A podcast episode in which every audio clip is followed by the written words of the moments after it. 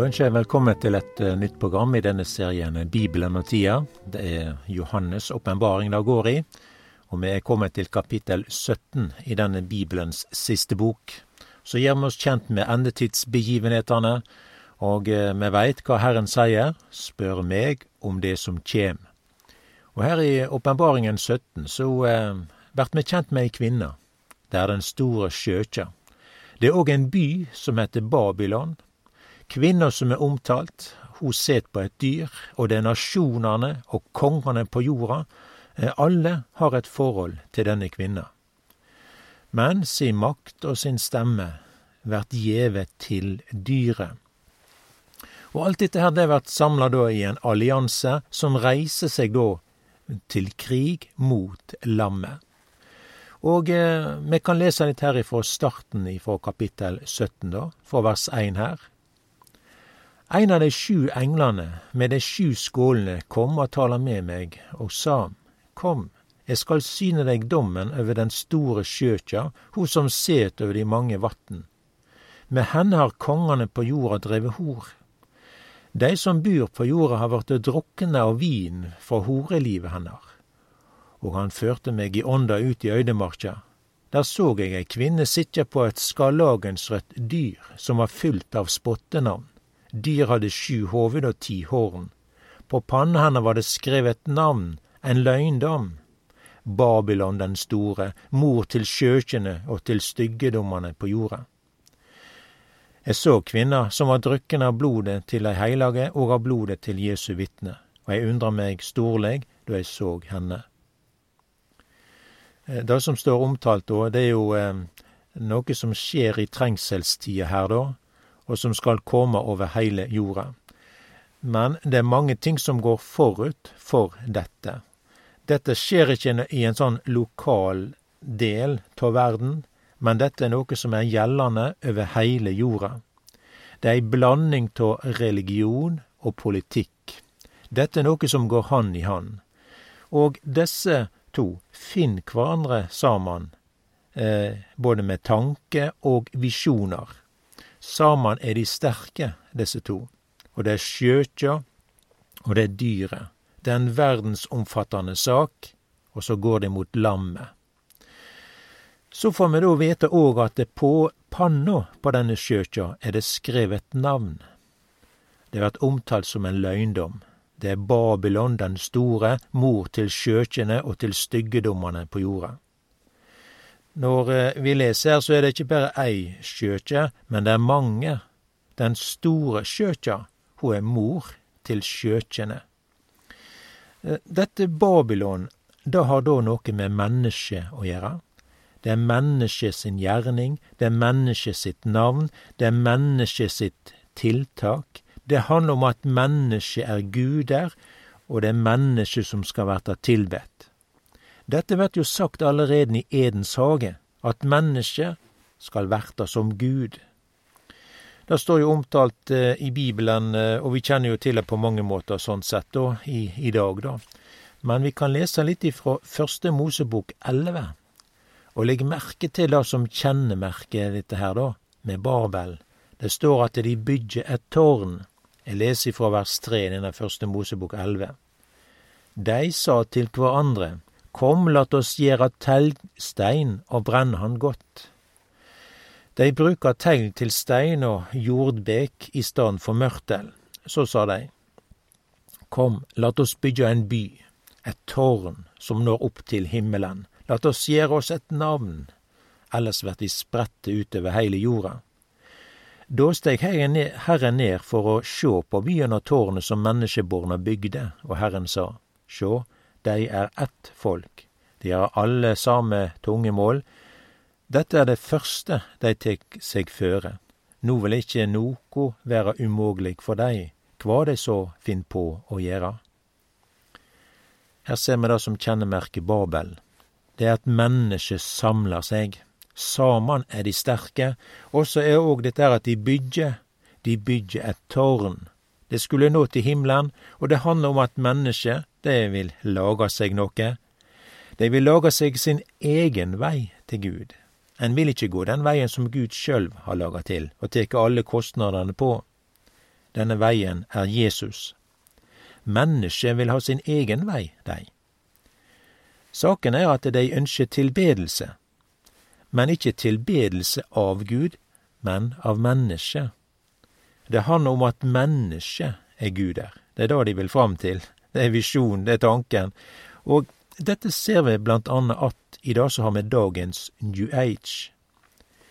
Når vi da leser Johannes' åpenbaring, så er det da skrevet en inskripsjon på denne kvinna. Det er Babylon. Dette er ikke bare noe vi leser i Første Mosebok, men vi ser det gjennom hele historien. I dag så tek vi bort mer og mer det som har med Gud og Jesus og Bibelen å gjøre. De aller fleste røde dager på kalenderen vår, det har med Bibelen å gjøre. Men vi gjør ikke det innholdet, og har heller ikke det fokus som da disse røde dagene skulle ha. Men mennesket bruker disse dagene til egen bruk og til egen fordel. I landet vårt ser vi hvor det vert meir og meir ei jul uten Jesus. Søndagane er ikkje den dagen når en går til kyrkja eller andre forsamlingslokale for å høre og samlast om Guds ord og Jesus, da. Men en bruker det til egen fordel. Søndagen er jo blitt den store idrettsdagen, for eksempel. En har bytta bort Gud med mennesket. Det er den babylonske tanke og ånd som følger med det. Og dette er òg det store endetidstegnet også. Det er ikke bare søndagen eller påsken eller jula sitt innhold som en har bytta bort, men også ordninger og moral. La meg bare nevne et døme på dette her. Vi kan ta det fra Romerbrevet. Her leser vi om at menneske og Gud Og de har da bytta Ja, det er jo mennesket som har bytta bort Gud med seg sjøl. Det står her i kapittel 1 av vers 20. For Hans usynlige vesen, både Hans evige kraft og Hans guddom, har vært synlig for verda vart skapt. Det skjønner ein av gjerningane hans, så de skulle være uten årsaking, enda de kjende Gud eller æra, eller takka de Han som Gud, i staden for de tomme tankane sine og det uvittige hjarta deira vart formørkte de sa seg å være vise, men de vart dårer, og de bytta bort den forgjengelige Guds herligdom mot et bilde, ei etterligning av det forgjengelige mennesket og av fugler og firførte dyr og krypdyr. Derfor gav Gud dei eh, i deres hjartans lyster over til urenskap, til å vanære lekamene sine seg imellom, de bytta bort Guds sanning med løgn og æra og dyrka skapningen i stedet for Skaparen. Han som er lovprist i all eve. Amen. Difor gav Gud dei over til skammelige lyster, kvinnen deira bytta det naturlige samlivet med som er mot naturen, og likeeins gikk mennene bort fra den naturlige omgangen med kvinner og brann og tråd etter hverandre. Menn dreiv skammelig utukt med menn, og de fikk på sin egen kropp den straffa de fortjente for villfaringa si. Så her leser vi at mennesket bytter bort Gud med seg sjølv, og det gjelder Guds ordning de bytter bort. Dette med hus og heim, denne ordninga med kvinne og mann, hustru og ektemann. Vi kjenner jo ordene ifra Bibelen at til mann og kvinne skapte han dei men i Romerbrevet så er det omtalt at mennesket har bytta bort Guds sanning med løgn. En ærer og dyrker skapningen framfor skaperen. Og da ser vi da at mennesket har sett seg sjølv i sentrum. Det er mennesketilbedelse i stedet for at det er Gud, skaperen, som er tilbedt.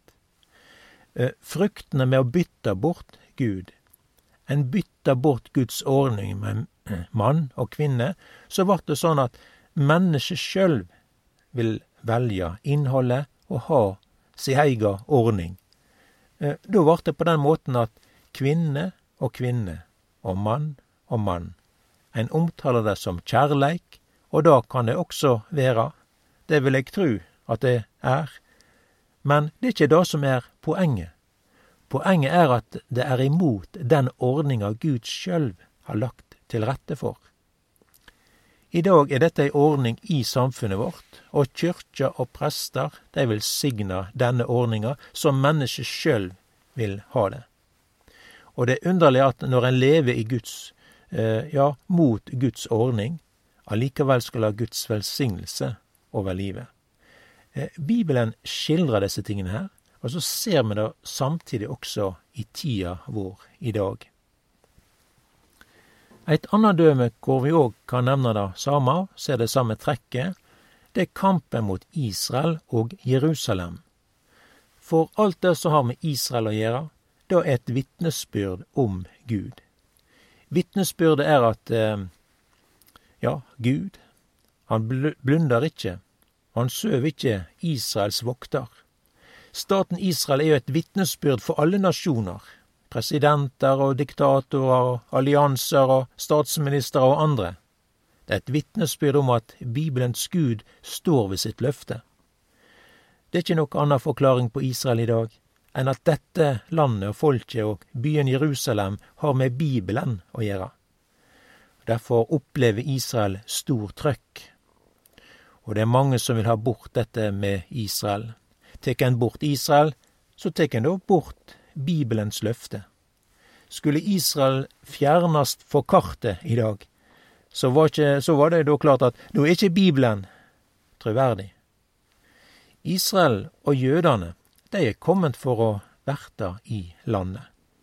Og i Salme 83, det har jo dette her, det er jo det typiske for mennesket og for Babel. Det er den store bytteplassen. En vil bytte bort Gud med seg sjølv. Og la meg bare lese Salme 83. Der står det blant annet dette Sjå, fiendene dine larmer, de som hater deg løfter hovudet. Med svik legg de løgnlige planer mot ditt folk, de legg opp råd mot dei du vernar. De sier kom, Lat oss slette de ut, så de ikkje er et folk meir, slik at ingen lenger kjem Israels navn i hug. For med ett hjarta samrår dei seg med hverandre, de gjer ei pakt imot deg. Og I vers 13 så står det i den salmen, Vi vil ta Guds bustader i eie for oss sjølve. Så her er det da Jerusalem det gjelder, og Israel. Og det handler om at folket det må bort, jødene skal vekk, og de samler seg alle sammen. Kom, lat oss slette de ut. Dette er jo den arabiske verden sin visjon da, og tanke. Jødene må vekk slik, da, og dette har de sagt lenge, og de sier det også i dag. Araberverden de vil få mange allianser og nasjoner sammen med seg for å gå mot Israel. Israel vil ikke få det enkelt, men samtidig er det heller ikke noen nasjon som har en sånn framtid som da Israel har. Saken er den at Israel har med Israels Gud å gjøre. Israel blir omtalt som Guds augnestein. Og Derfor er Israel i dag, som det har vært til alle tider, et veldig vitnesbyrd for alle konger og nasjoner, statsledere og diktatorer. Israel er et vitnesbyrd om Gud. Det er et vitnesbyrd om Bibelen og det profetiske ordet, at det er sant og troverdig. Det vil verta sånn som denne gamle bibelboka skildrer det. Johannes' åpenbaring er sann. Bibelen avslører Babylon. Bibelen avslører det som blir omtalt som den falske kjærligheten, den falske religion. Bibelen den som setter ord på det, når mennesket bytter bort Gud. Bibelen forteller om fruktene med å bytte bort Guds ord, eller Guds ordning, med seg sjølv. Frukten er til sist at du får et religiøst statssystem. Det samler hele verden, og nett på samme måte som en bygde Babels tårn, kan du si. Og det reiser seg mot himmelen, ikke for å komme til Gud, men for å kuppe Gud. Mennesket nøyer seg ikke med å bytte bort Guds ordning eller Bibelen, eller men mennesket vil til sist bytte bort Gud sjølv. Mennesket vil ta Guds plass. Mennesket vil være Gud der. Men la det være sagt, det vil ikke lukkast med det, men vi ser tanken og målsetninga med det. Og dette her er noe av de mange trekk i tida i dag, og vi ser hvor samfunnet endrer seg fort. Og eh, det er også et endetidstrekk, hvor ting endrer seg i stor hurtighet. Alt dette forteller hvor nært vi er bortrykkelsen for Guds menighet, og at Jesus kommer snart igjen.